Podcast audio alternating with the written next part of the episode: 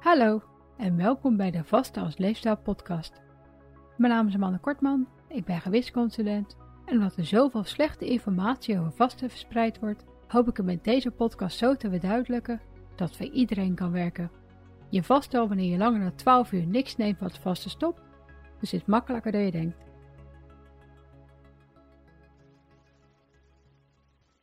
Welkom bij aflevering 35. In deze aflevering beantwoord ik drie vragen van luisteraars die veel met elkaar te maken hebben, waardoor ik ze heb samengevoegd in één antwoord. Zo wil Thomas graag weten wat ik vind van Prolon. Dit staat ook wel bekend als het Fasting Mimicking Diet, oftewel het vaste nabootsende dieet. Vraagt Kelly hoe het zit met speciale vaste supplementen en tussendoortjes, waar je vooral in buitenlandse filmpjes en podcasts steeds meer over hoort. En wil Jamie graag weten of je kraanwater met een geurtje zoals Air Up kan drinken tijdens het vasten. Aangezien alles inderdaad steeds vaker voorbij komt en dan vooral met veelbelovende beweringen, snap ik dat ervoor kan zorgen dat je gaat twijfelen. Kort gezegd ben ik geen fan. Vasten is tenslotte gratis en 99% van de extra's die het vasten zogenaamd moeten vergemakkelijken, werken alleen maar averechts. Dat het vasten stoppen. Als je niet vast, is het vasten tenslotte super makkelijk. Op de officiële website van Prolon lees je het hoofdprobleem maar al te duidelijk terug. Daar noemen ze Prolon de gezondste vijf dagen vaste kuur voor een krachtig en vitaal welzijn. Profiteer van alle voordelen van vasten, terwijl je toch lekker kan blijven eten. Als je mijn voorgaande vaste aflevering hebt geluisterd, dan snap je natuurlijk gelijk wat het probleem is. Eten is nooit vasten. Dit geldt voor zowel prolon als tussendoortjes. Maar natuurlijk ook voor zogenaamde sapkuren en de overige weet ik wat ze allemaal verzinnen kuren, die als vaste kuren aangeprezen worden. Ze maken het gewoon veel te ingewikkeld. Je vast of je eet en alles wat vasten stopt is zonde van je tijd en geld. Tijdens het vasten kan je kraanwater zonder toevoegingen drinken en horen bruiswater, witte, groene en zwarte thee en koffie zonder toevoegingen bij de 1% waar velen uitstekend tegen kunnen. Zelf kan ik slecht tegen thee op een nuchtere maag, dus die bewaar ik gewoon voor mijn eettijd.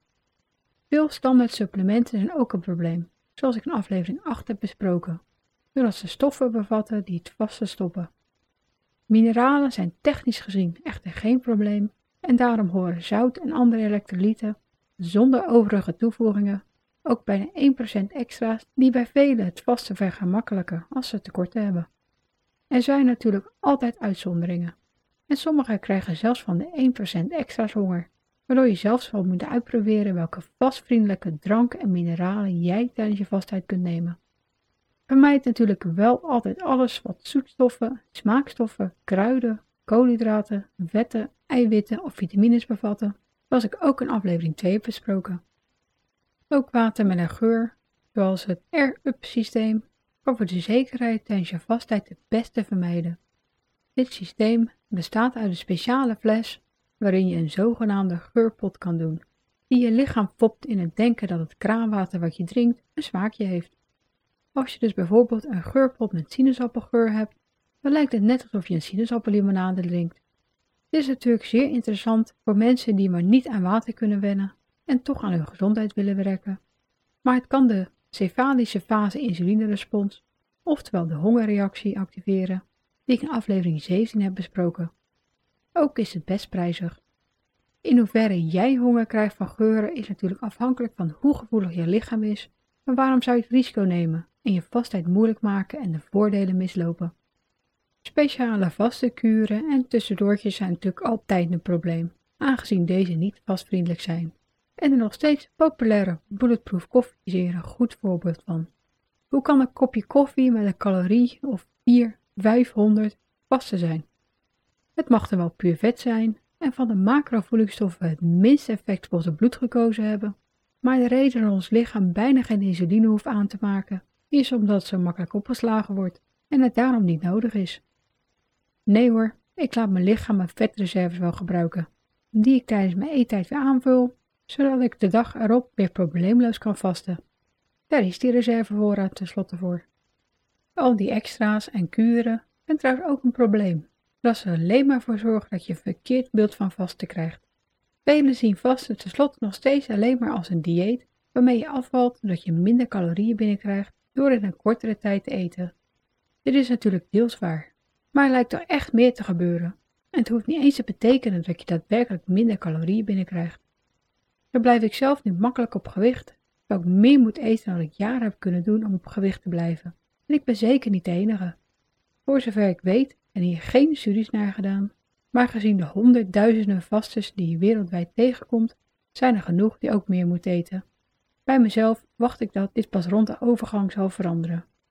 Maar ja, aangezien de meeste vrouwen tegen die tijd iets moeten minderen, hoort dat er helaas gewoon bij. In een kortere tijd eten is gewoon zoveel makkelijker. En ik houd liever mijn uren bij dan mijn calorieën, die ook nog eens behoorlijk onnauwkeurig zijn, zoals ik ook in aflevering 29 heb besproken.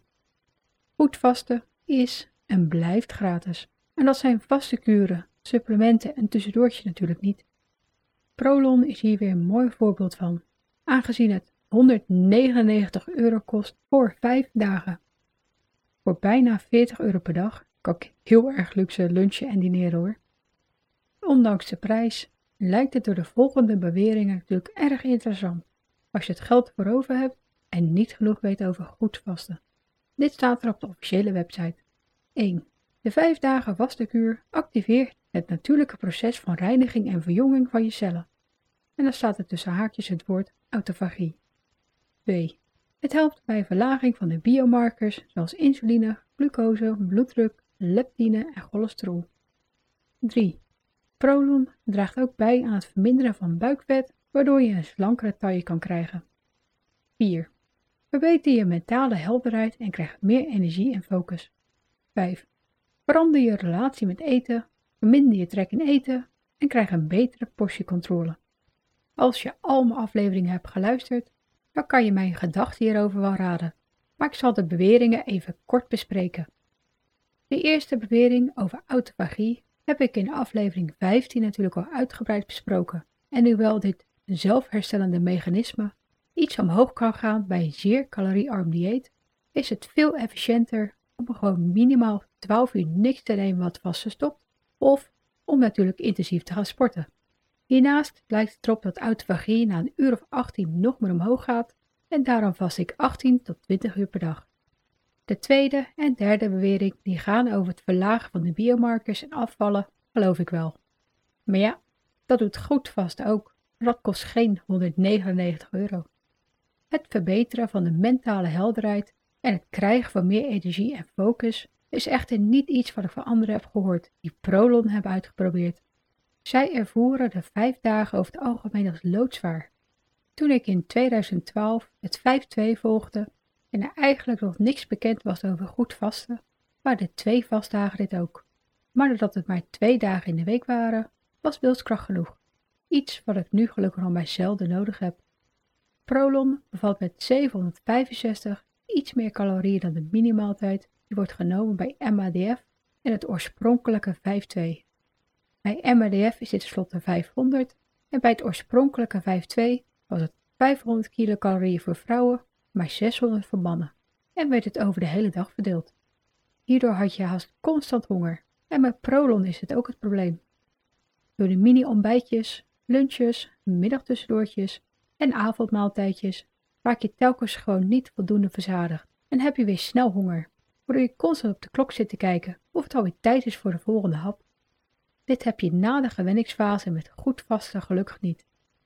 De minimaaltijd die vasters nemen met MADF is voor velen zelfs voldoende, zolang ze de juiste keuzes maken en focussen op voeding met een hoge voedingswaarde en verzadigingsgehalte, zoals vezelrijke bladgroenten en eiwitrijke eieren.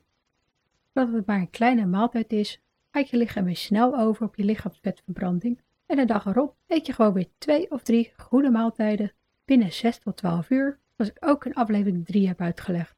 Bij Prolon krijgt je lichaam alleen s'nachts echt de kans om over te gaan op je lichaamsvetverbranding, vooral doordat je lichaam nog niet aan gewend is, en is de kans groot dat je na vijf dagen heel erg hongerig bent en dat het gewicht wat je ermee verloren bent er weer snel aan zit. Met de laatste bewering over een betere portiecontrole ben ik het wel eens. En daar hoor ik ook positieve verhalen over. Maar ja, ook dat kan je bereiken met goed vasten. Als je met Prolon een paar dagen constante honger hebt gehad, dan voel je ongetwijfeld beter wanneer je wel genoeg hebt gehad. Maar de iets langzamere manier van goed vasten is toch echt een stuk aangenamer. Sommige echte vasters voelen dit ook al na een paar dagen, maar bij mij duurde het een week of vijf voordat het overduidelijk werd. En bij enkele duurt het soms wel een jaar. Maar doordat ze genoeg andere voordelen krijgen, geven ze goed vasten niet op. Houd de tijdens je vasttijd gewoon bij de vastvriendelijke dranken zoals kraanwater en vermijd voor de zekerheid water met een geur en verspil je geld niet aan de extra's die het echte vasten alleen maar stoppen. Geef je lichaam rust tijdens je vasttijd en geniet tijdens je eettijd van alles wat je lekker vindt en waar jij je het beste door blijft voelen. Dit laatste is soms lastig te bepalen, maar als je gezond eet, voel je des te sneller wat wel en niet voor jou werkt. In aflevering 36 bespreek ik de redenen waarom je niet al te veel suiker en zoetstoffen wilt binnenkrijgen.